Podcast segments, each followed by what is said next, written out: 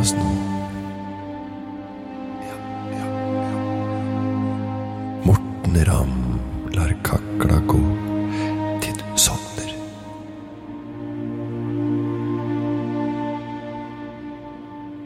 Ja, da er vi endelig tilbake med uh, Kakla går til du sovner,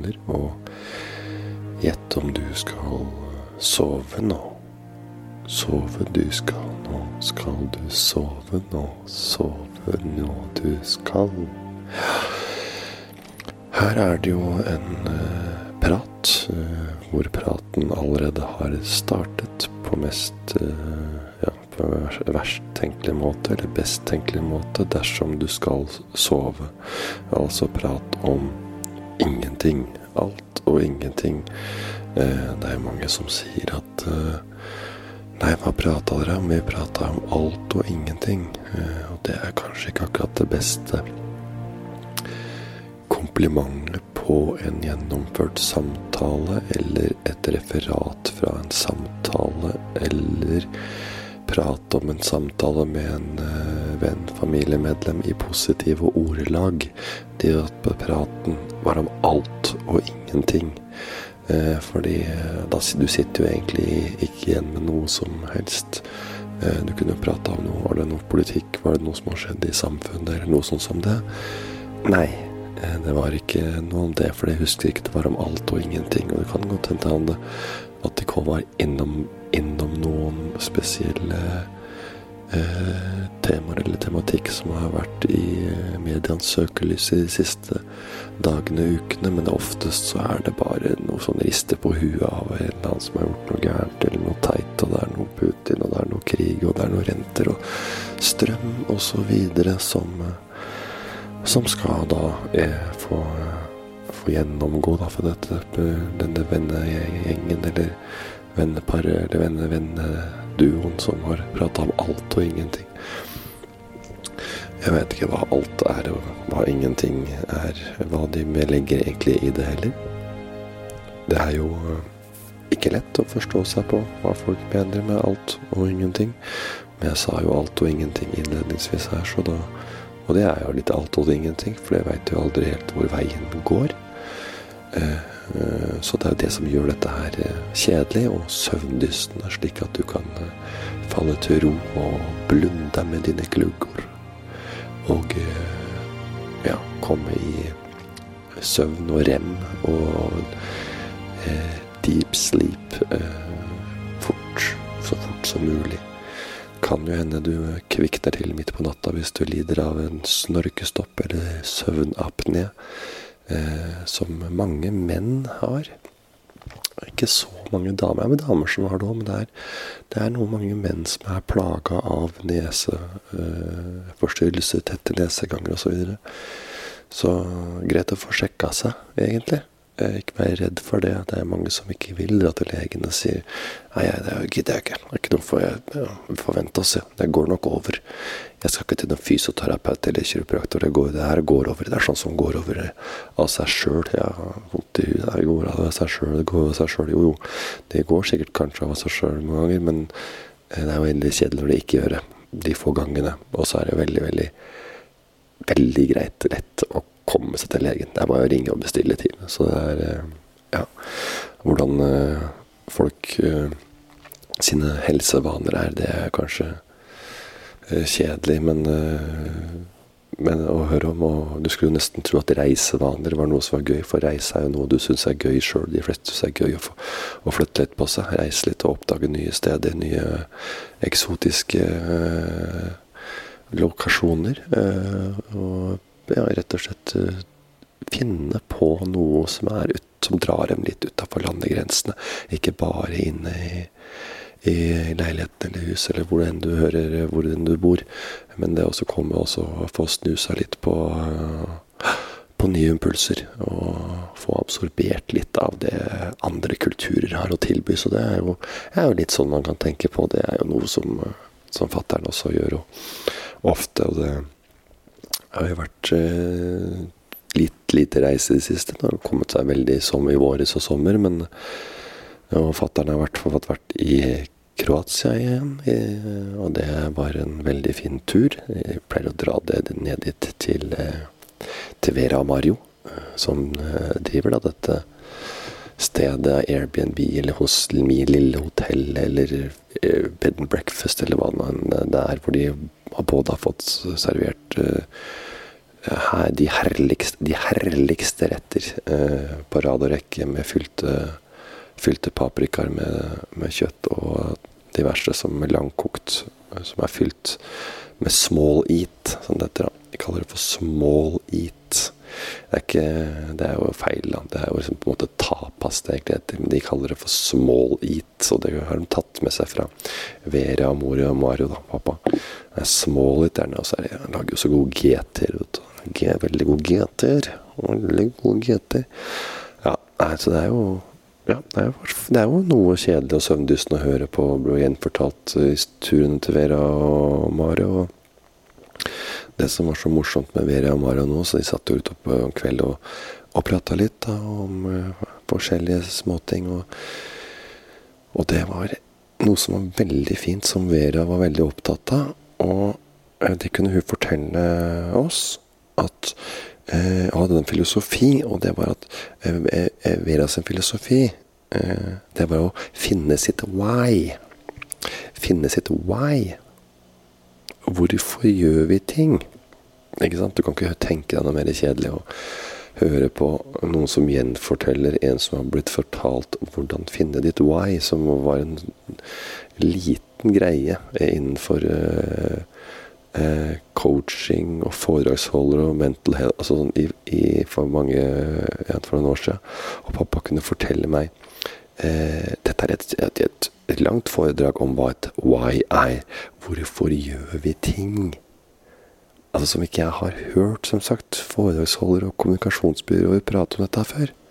Altså på kommunikasjonsbyrå, altså folk bruker Why gjør det? Hør, har du så hørt Altså ja, ja, ja, finn ditt why. Altså, jeg har jo hørt hundre ganger pappa fortalte om dette som det var Vera fra Kroatia, nærmere bestemt Jelsa, som hadde funnet ut og filosofert om dette på egen hånd.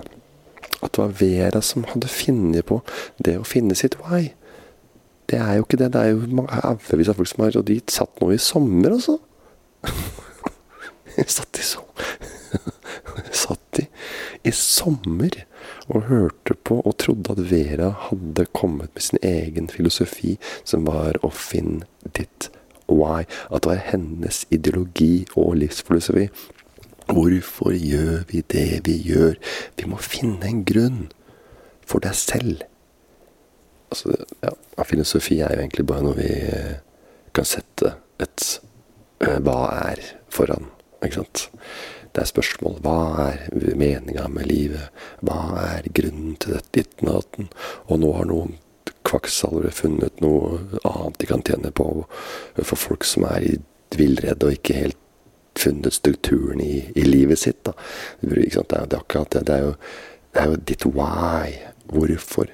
Jeg hørte det for mange år siden, men så dukka det opp igjen nå, da. Vera fra Gjelsa var filosofen rappa fra en nepe eller en uh, viral Facebook-snutt om en kis som har funnet svar på hvordan du skal ta dine valg her i livet. Hvorfor skal jeg gjøre det?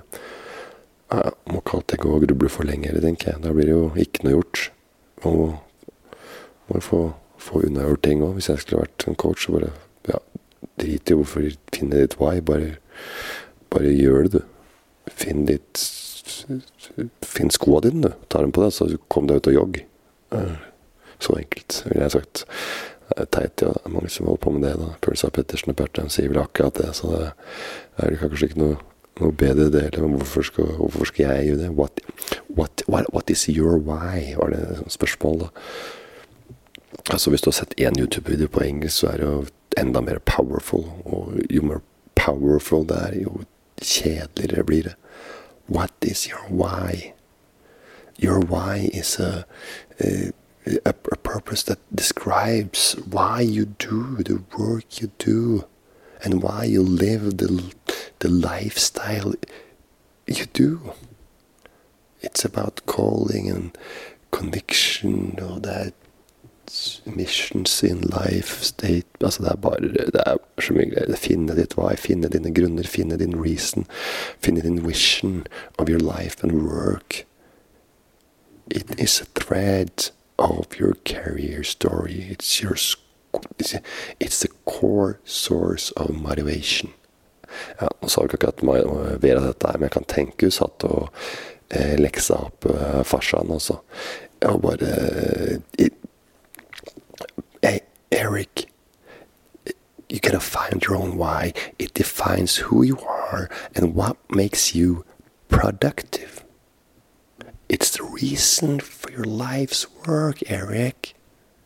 If you find yourself, if you find the why within yourself, that can help you to manage daily life, daily, day, tasks on a daily basis and tasks throughout the weeks, the month, the whole life. Look in the mirror and tell, ask yourself, do I have a why? Do we have a reason? Do we have a purpose? Why going out of bed this morning? And if you can find that why, you have find a reason to live another day. Ja. Dette er bare noe jeg finner på. Så enkelt er det å være foredragsholder. If you're feeling overwhelmed, anxious or unfulfilled, it is because you most likely don't have a clear understanding of your why. you know? You're working to live up to someone else's why in the absence of your own why. You're out of them. The why is within you. Med det. Your why is within you. Du kan jo bare droppe alt det og si at Nei, jeg skal holde et foredrag. Eh, dette foredraget handler om å finne grunner til å gjøre ting. Finne ditt why. Finne gode grunner til og motivasjon til å ta fremtidige valg. Og det valget, ja, det må dere finne sjøl. Takk for meg. Yeah. Det er ikke verre enn det. Det valget, det, det må finne det sjøl. Finn ditt why. Ja, du står og sier bare du må finne det sjøl. Det er det eneste jeg holder på med. Det er greit å finne grunner til det, men ikke overtolke og overfilosofere og over-mental coach seg, sjøl. Motivasjonsfolk de jobber med å motivere folk eh, til å gå på jobb uten å ha jobb sjøl. De fleste har ikke jobb, de lever av å motivere andre. Og det er deres motivasjon. da. Syk syklus. Da snakker vi økosystem og blir gærne. Da ender du opp på Sydpolen med Bertrand Larsen. Da. Hvordan skal jeg motivere andre når ikke har gjort noe sjøl? Altså, jeg må gjøre noe. Kan ikke bare dra på trening tre ganger i uka og så få en hel KK-dag på Nordøyfjellet og høre på meg. Jeg skal til Sydpolen! Det holder ikke med at du trener litt. Du må til Sydpolen, må være helt gæren. Da hører folk på meg. Hvorfor dro jeg dit? Hva var mitt why? Det var for å vise folk at jeg kan gjøre det. Noen grunn til å dra dit? Nei, ikke veldig stor grunn. Fant jeg mitt vei. Fortsette å motivere folk til å stå opp om morgenen. Hvordan skal jeg som motivasjonsforedragsholder få motivasjon til å motivere folk til å trives med seg selv? Hvordan skal jeg klare det? Sydpolen. Jeg drar faen meg til Sydpolen, jeg. Så kan jeg lage foredrag om det og tjene masse cash på det også. Ikke bare motivere, men bli litt stjerne sjøl også. Det er jo ofte mange foredragsholdere de holder jo ikke med at de bare motiverer litt her og der, og at de gjør dagen god for noen få. De skal jo ha webinar og foredrag og til alle bedrifter i hele Norges land, eller hele verden for en saks skyld. Så det er deilig å bli litt stjerne sjøl oppi det hele. Det er nesten ikke umulig å høre på at folk skal motivere folk, når den som egentlig bør motiveres, er dem selv. De tar jo problemene fra seg, og det er sikkert noe de føler sjøl. Hvorfor, hvorfor, kan ikke folk være snillere mot hverandre? Betyr jo egentlig hvorfor kan ikke folk være snillere mot meg? Hvorfor kan ikke unne hverandre ting? Hvorfor kan ikke andre unne meg ting? Det er det han sier. Vi må skryte mer av hverandre. Betyr jeg trenger mer skryt. Og det syns jeg det skal gjøre. Skryte litt av meg. Ja, jeg er litt satt på spissen, selvfølgelig, men det er noe med det. Ikke alle er like, men jeg tror mange coacher og foredragsholdere jobber med noe grønn jævlig med seg selv.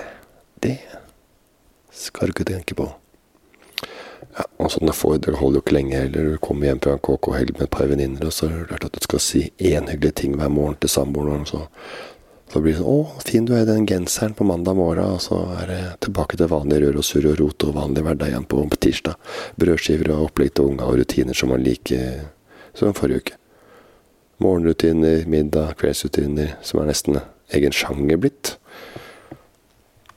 Morgenrutiner. Jeg ser mange på YouTube og TikTok og reels og sånn. Så er det veldig, har du, vil du se min kveldsrutine? Vil du si meg my night routine om kvelden. Det er ekstra viktig å rense huden ordentlig for makeup og forurensing og urenheter. Slik at han kan ta seg av resten av hudpleien. Starter med da. Da starter de da, vet du. Det er ganske kjedelig å høre på, men det er jo gøy å få gjenfortelle en rutinevideo fra Instagram. Da starter vi ofte, litt sånn generelt, da starter med et renseprodukt for hudtypen din. Og så er det kanskje noe serum og en god krem osv. Det finnes jo utallige kveldsrutiner som for influensere og aktive TikTok-brukere er interessert i å vise fram.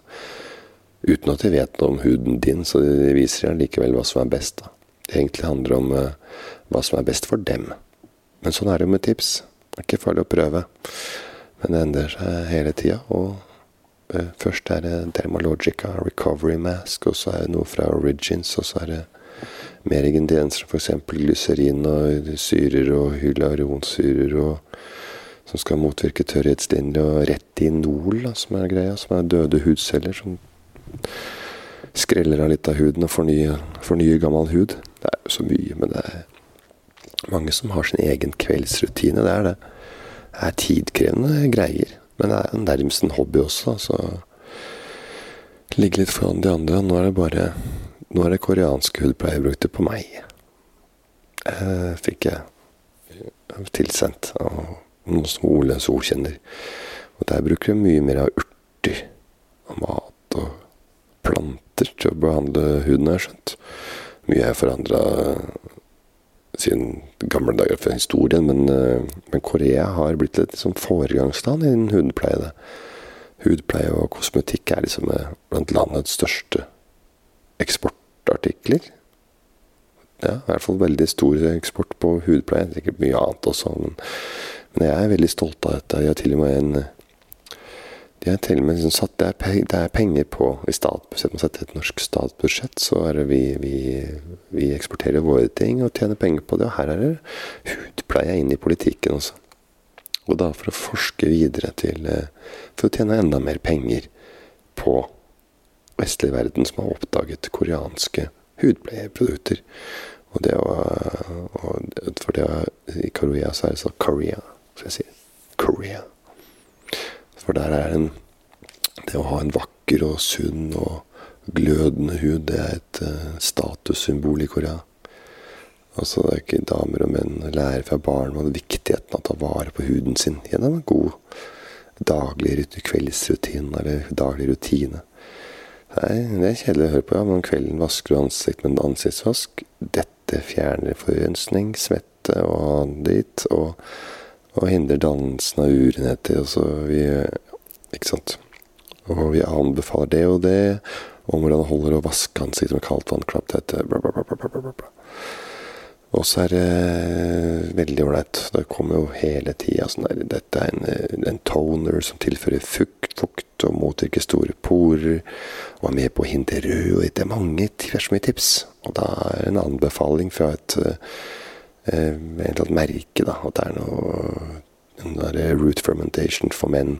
Så har blitt betalt for det, da. Så, så kaller hun det sin egen, sin egen eh, kveldsrutine. Det er ikke sånn at eh, kveldsrutinen, akkurat de produktene, er det influenseren eh, sogner til, eller er sitt foretrukne produkt. Men det er jo det, det er de, de snakker om det produktet som de har blitt, betalt for å prate om, fordi de kanskje også er opptatt av, eh, av hudprodukter. da. Og det er jo øyekremer, og fordi huden rundt øynene er jo annerledes enn i ansiktet. Den er jo tynnere. Mangler noen eh, noe talg eller noe sånt, tror jeg. Det er tynnere hud. Og da trenger dette området mer fukt. Og, ja, og der er det liksom veldig ofte tegn til aldring. Det er liksom rundt der, for det er tynnere hud. og det er denne tjukke huden som vi mister etter hvert, den der fettlaget, som asiatere også ofte har lenger. Altså de har et lenger fettlag, så de har en, en, en kjempefin hud. Så Tom Cruise Jeg ble vel eh, Noen som snakka om at han hadde sprøyta inn litt, et fettlag i huden for å få tilbake den ungdommelige uh, ungdommelige glowen. Huden som man har ved et bedre fettlag. og ja, derfor fukt er bedre, men du får jo ikke dette fettlaget. Men du kan jo gjøre det Stoppe prosessen, kanskje, om ikke annet. Så fukt er bra, og da, da er det mye det er mye som greier. Da. Det er solkrem har jeg selvfølgelig en viktig del av hudutvikling. Eh, og det å beskytte mot UV-stråler og, uh, og jeg rett og slett ikke blir solbrent og ødelegge huden. Og jeg visste jo ikke at Jeg hørte av noen som sa at det, det er ikke selv om du har solfaktor 50 så er det ikke nødvendigvis noe bedre enn solfaktor 50, men det handler om at solfaktor 50, det må du smøre deg hvert 50. minutt. Men at solfaktor 30, det var nesten noe av det høyeste du kan få for huden. Stenge den ute. Men da måtte du smøre deg oftere. Altså hver halvtime. Hvert 30. minutt av en sånn eh, tommelfingerregel. Tommelfingerringeregel fra Saga. Nei, skal ikke kødde med det, så mye med det. Men eh, ja, nei, sånn er det jo, da. Så det er jo masse forskjellige eh, kurer for hud. Men, det er ofte kvinnelige influensere som har disse kveldsrutinene. Men, men, det er jo mange produkter der ute som er for menn. Eh, mange gode produkter som egner seg godt for menn. Og, og da kan jo også menn lage sin egen rutine. Og det er det kan være hudproblemer, det kan være kviser, tørr hud, rynker, som sagt. Men eh, så hudpleie er ikke kun forbeholdt kvinner. Det er eh, like viktig for menn å ha omsorg for huden sin, det må jeg si. Og den hudpleieindustrien i eh, Sør-Korea tenker på det. Ja. De lager for menn og kvinner. Jeg har testa det sjøl òg, faktisk. Og det, men det må, det må, fornye seg der òg. Det er, det, det er derfor det brukes mye forskning og penger som blir skutt inn i uh, hudpleie, for det selger. Og Sol er jo da eh, et hud, hudpleiemekka. Eh, ja, for det å ta vare på huden sin, det er rett og slett en del av den koreanske kulturen. og ja, nei, men sånn er det med verden i dag, dere. Den blir stadig mindre. Her sitter jeg og prater om hudpleieprodukter fra Korea. Og så er det mange som kanskje hører på som har vokst opp med bare med, fra Korea med, med Nivea. Eh, Korea fra Nivea fra Korea. Kanskje kommer derfra, ikke veit jeg. Men uh, men det er jo bare Ja, vi har jo blitt eh, litt sånn Pitzbuin har vi hørt om, og vi har hørt om P20, og det er eh, litt forskjellige sånne solfaktorkremer, og Damalogica er et kjent produkt. Men ja, nei, det blir mer og mer konkurranse. Det er eh, det, er det og ja. Verden blir som sagt stadig mindre, som jeg sa. Og det, ja, og det er jo mer med tanke på reise, hvordan vi kan få ting hit eh, også. Eh, og vi kan bestille på nett, selvfølgelig, men det å reise også har blitt enklere. Du kommer jo til et andre sida av kloden, og ja, du kan jo oppleve alle verdenshjørner på en veldig kjapp måte. Og Korea er heller ikke langt unna. Fantastisk reisemål, har jeg hørt. Eh, mye god mat. Flere og flere turister som lar seg lokke av landets kusin. Vi har jo rett i Norge, men det å spise det fra landet som har opphav, ja, det er gjevt. Det, det, er stilig. Det er det er, eh, det er sushi i Japan. Det er navn der, selv om laksen ofte er bedre i Norge. Eh, og norsk, norsk laks blir jo solgt til Japan. Og den historien, den har jeg blitt fortalt en gang, og den er interessant. Men også meget søvndyssende. Så den skal jeg prøve å få gjenfortalt seinere, men med, og mer om det etter litt spamusikk.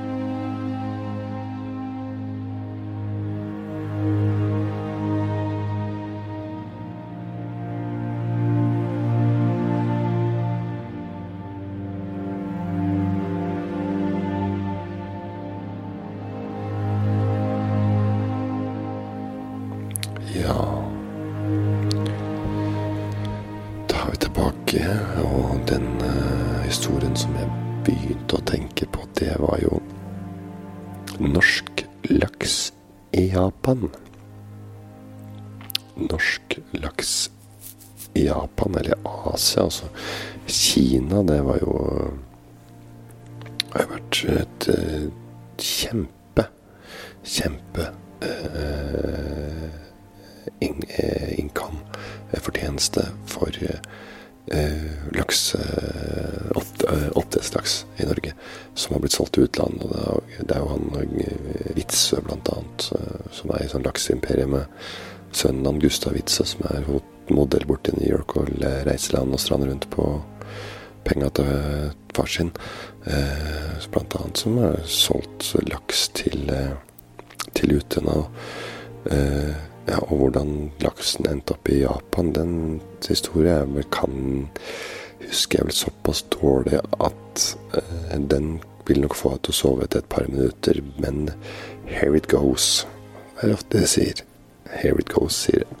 Here we, ok, It's a bad I don't know exactly about the story, but here it goes, sier de på engelsk. But here, og nå sa jeg det på norsk. Men here it goes. Ja, jeg pleier ikke å si det. Og ikke når jeg skal høre for mye fra denne kanten. Here it goes. Og den går sånn her. Det er mange som bruker sånn norske uttrykk som egentlig bare funker på engelsk. Oversetter liksom direkte. Da føler, da føler folk seg. Ja, og den går sånn her. Uh, uh, my uh, la, Let me. Let me. Norsk. La meg. La meg. Sier sånne ting. Men uh, det er en del år siden uh, norsk laks begynte å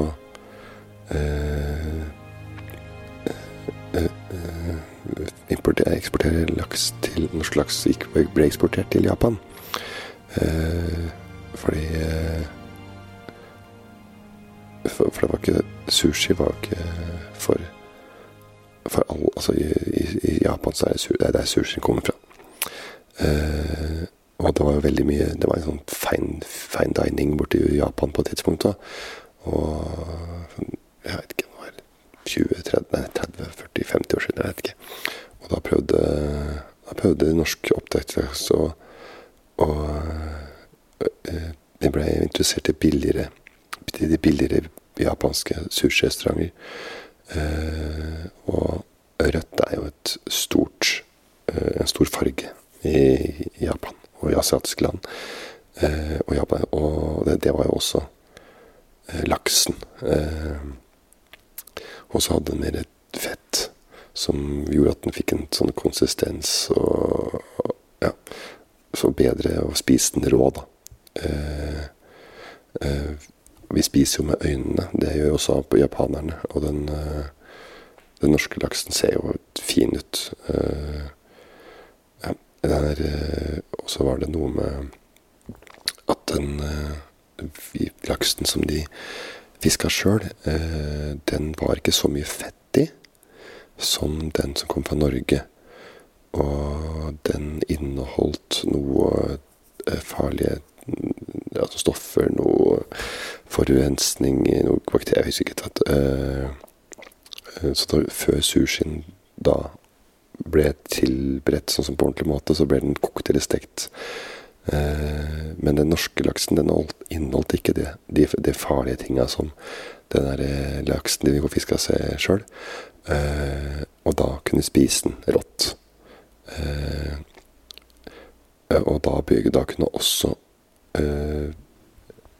da billigere sushirestauranter og mindre, mer mindre ja, folk med mindre ressurser også spise sushi på restaurant uten å være redd for å bli dårlig. Uh, og det var jo da overtak på en sånn slags en tufisk, den blue fin tuna er en som heter. og den er en tjukk fisk og den er vel kanskje utrydningstrua, jeg husker ikke helt. Eh, men den ble også stor der borte, for det var mye Det var fett på den. Eh, eh, og ja, jeg husker ikke helt hvordan det var, jeg, men i hvert fall så begynte den en eller annen kokk å ta inn norsk laks. fordi det var en norsk del delegasjon som kom over for å selge laks. da. Og her ble jeg veldig kjedelig. Jeg husker ikke halvparten av historien. så det var forferdelig.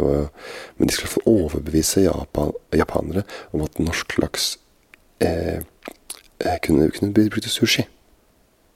At den var god til sushi. Eh, og de skulle presentere dette her eh, for eh, det største av japanske kokker. Uh, og da møtte norske oppdrettere og eksportører på et, uh, på et hotell der. Og, og, de øvde seg på å spise på, De øvde seg også på å spise norsk laks før de dro. Uh, for de, de, hadde ikke gjort det så veldig mye før. Så de, de holdt på å spise. Og, og, og, kvelden etter så prøvde de da å overtale Lindbill japanere at det var helt vanlig å spise rå fisk i Norge. Rålaks Norge. Og det var jo ikke sant på den tida. Ikke på den tida. Eh, men så likte jo disse folka de, ble servert, i japanske kokkene.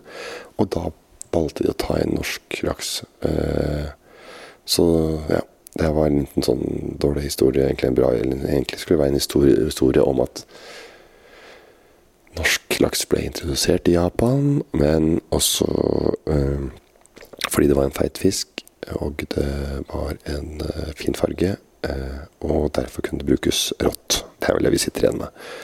Eh, men det var sånn at eh, den ble mye importert etter hvert. og den japanske suksessen å introdusere sushi fra sushi, og da var det ofte gjort med norsk laks. Og det er blitt et enormt, enorm etterspørsel for norsk laks på andre lyksrestauranter rundt omkring eh, sorg eh, i, i, Norge. Og det, og det er jo sånn at eh, går man på en sushirestaurant i Norge, på det dyreste, så koster jo to nigiri-biter med laks koster jo 90 kroner. To biter med laks, ikke sant? Og, og de solgte jo som bare hakka møkk med det derre eh, og med oppdrettslaks.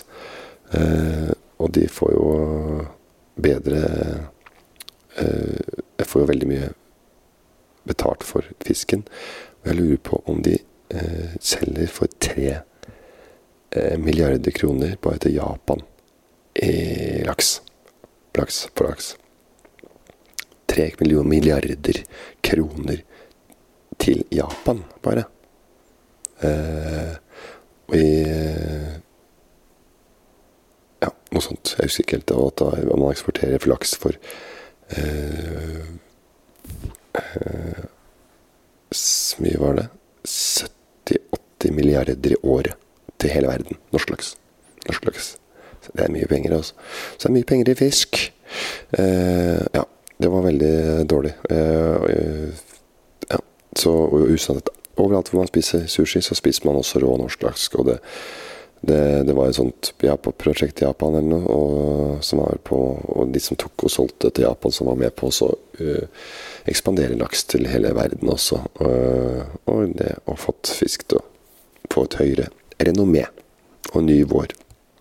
Men uh, koreansk mat, den kjenner jeg litt bedre til, kanskje. de er også kjent for å lage god mat. Så det er kanskje ikke noe gøyere å høre på det heller, men vi prøver oss. Og en av spesialitetene her som jeg kjenner til, det er kimchi som består av eh, grønnsaker eller kål f.eks. Og blanda med chili og hvitløk og ingefær. Og som settes da til gjæring, ikke sant? som også er sånn fermentert greie som også kan folk kan synes er ekkelt, akkurat som råfisk var i starten. Men så kommer dette her mer og mer inn i vårt, uh, vårt kjøkken. da. Uh, så kimchi er bare en sånn siderett som kanskje ja, følger med de fleste retter. Altså, ris følger også som regel når man stiller et måltid i Sør-Korea. Sånn, men, men kimchi også er veldig vanlig. Og så er det hva er det, det, er kjøtt, og Korean barbecue er jo et av de store uh, tinga som vi ser også i storbyer. også er mye Korean barbecues uh, der. Så ja. Og da kan man steke biff i sesamoljer og chili og hvitløk og ja, det som de pleier å bruke av ingredienser i Korea. Og de har, ja, de har mange gode eh, eksotiske retter som kommer fra Korea. Eh, og det går jo med en stor historie på denne maten. Eh, og det er selvfølgelig, som alle andre stenger, drikkevarer eh, og eh, te.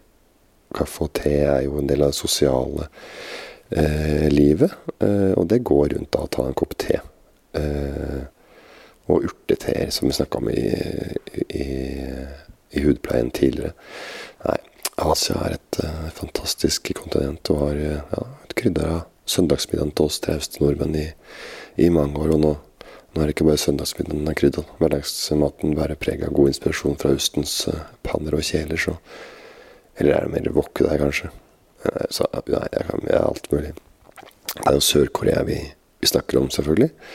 Og den delen oppe i nord tør jeg ikke gå inn på engang. Nord-Korea er jo et kommunistisk diktatur.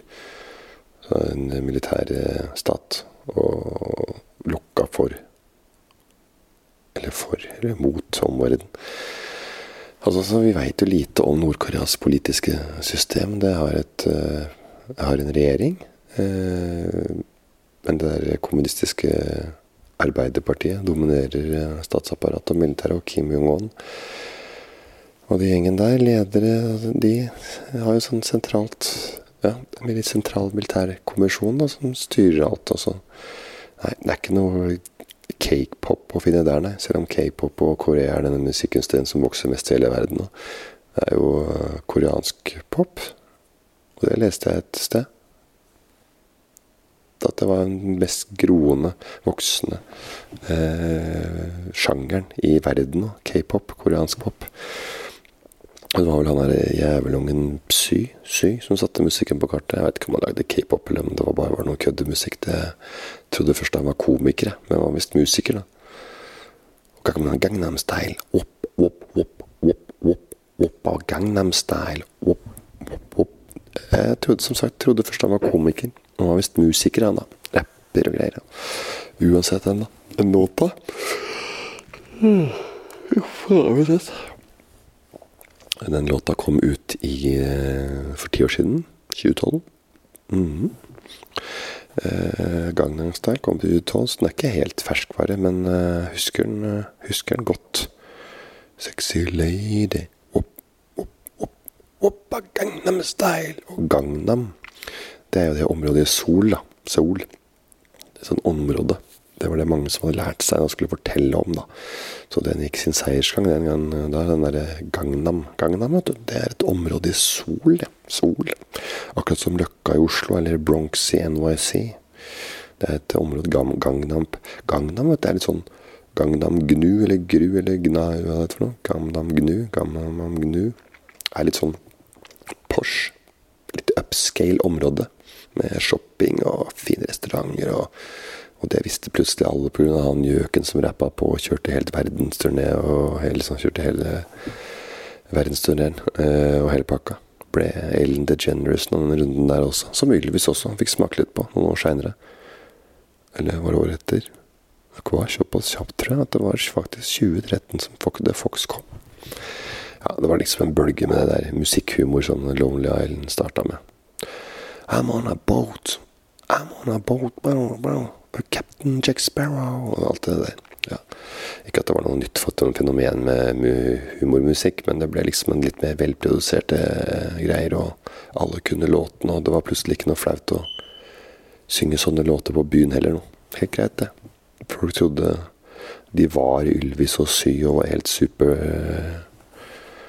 eh, ja, nei, og, og, og, det var mange som var flaue da Eh, de bedriftene eh, og firmaer som lagde egne låter, lagde egne låter om sin bedrift på disse låtene, hvor sjefer og det som verre var, skulle ut av komfortsonen og lage noe jalla låter som sikkert ligger ute på YouTube en dag i dag. Nei, det var sjukt at ingen uh, satte en stopper for det. Det. Det var ikke én liksom, som, som, som, sa nei. Det var en øy. Vi lager en musikkvideo på at vi bytter ut teksten på Gangnam Style med, e, med ting som vi kjenner til. Arne og Trym, de jobber på regnskap. Vilde følger nøye med. Sexy lady. Å, å, å, å, Circle K. Å, å, å, å, Circle K. Istedenfor Gangnam Style. Bytte av Circle K. Og Elkjøp Kalberner Og Elkjøp Kalberner Og Circle K. Og sånn holdt jeg på, altså. Hva sier sjefen? Ding, ding, ding, ding, ding, ding. Hva sier sjefen?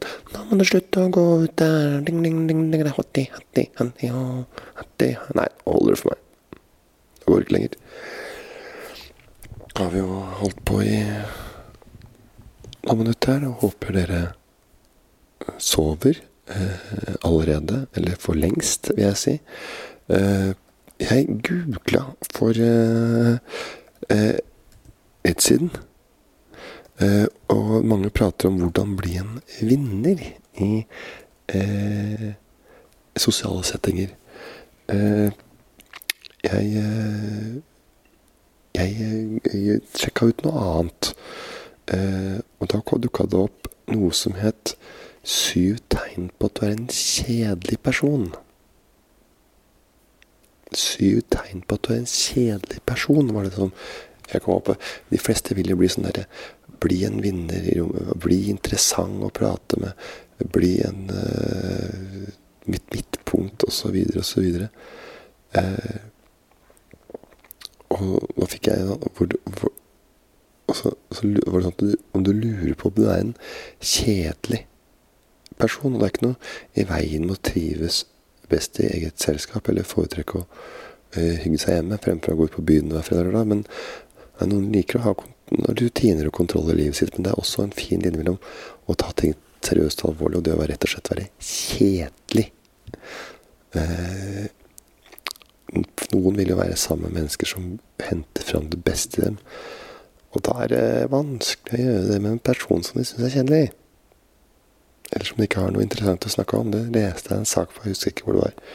Det var en sak som eh, der så jeg noterte litt på. Jeg notert litt der. Skal jeg finne det på mobilen.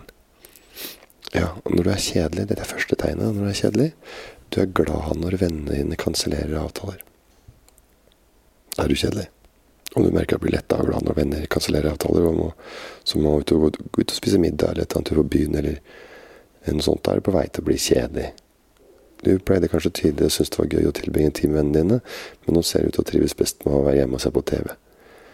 Det er jo Altså, jeg, man blir jo sånn man blir eldre. Det er jo aldringstegn, det. Man blir kjedeligere. Man blir kanskje kjedeligere når man blir eldre, for man gidder jo ikke å Får ikke så mye ut av det som man gjorde før. Eh, og du har blitt kjedelig. Nummer to sto det at det var eh, rutiner har blitt en stor del av ditt daglige liv. Bestiller du alltid den samme maten? Ja, det gjør jeg faktisk. Mye gå på de samme restaurantene og barene, eller handler du alltid et spesifikt, et spesifikt sted?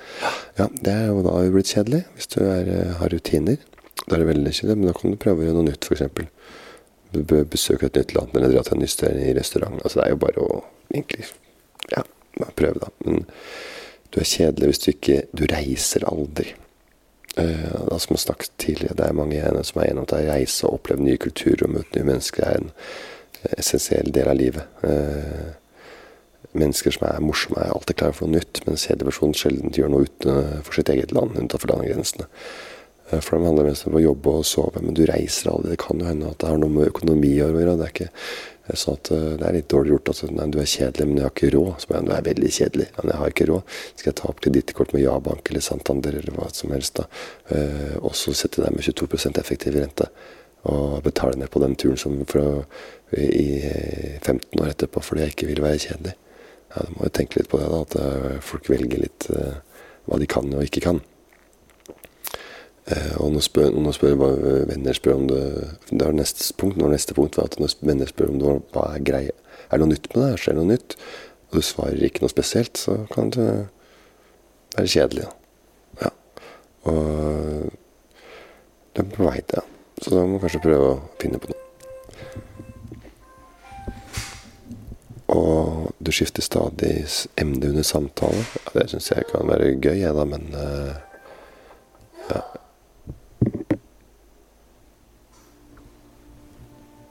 Seks, du er for seriøs. Sju, du syter og klager overalt. Ja, det er jo kjedelig. Ok, da ble dette veldig kjedelig, dette òg.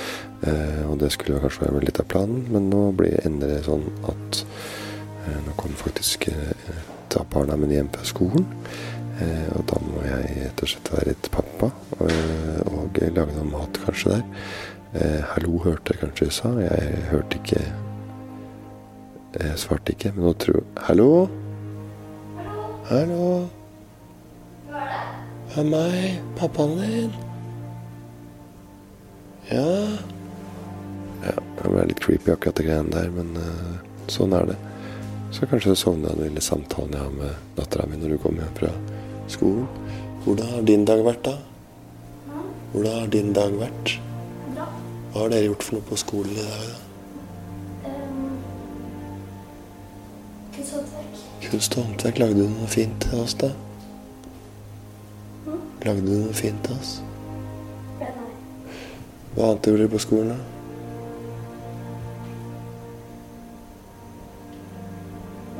Hva skal du etterpå, da? Fotball. Fotballtrening. Sammen med hvem da? Når da? Når begynner det, da? Blir du henta av noen?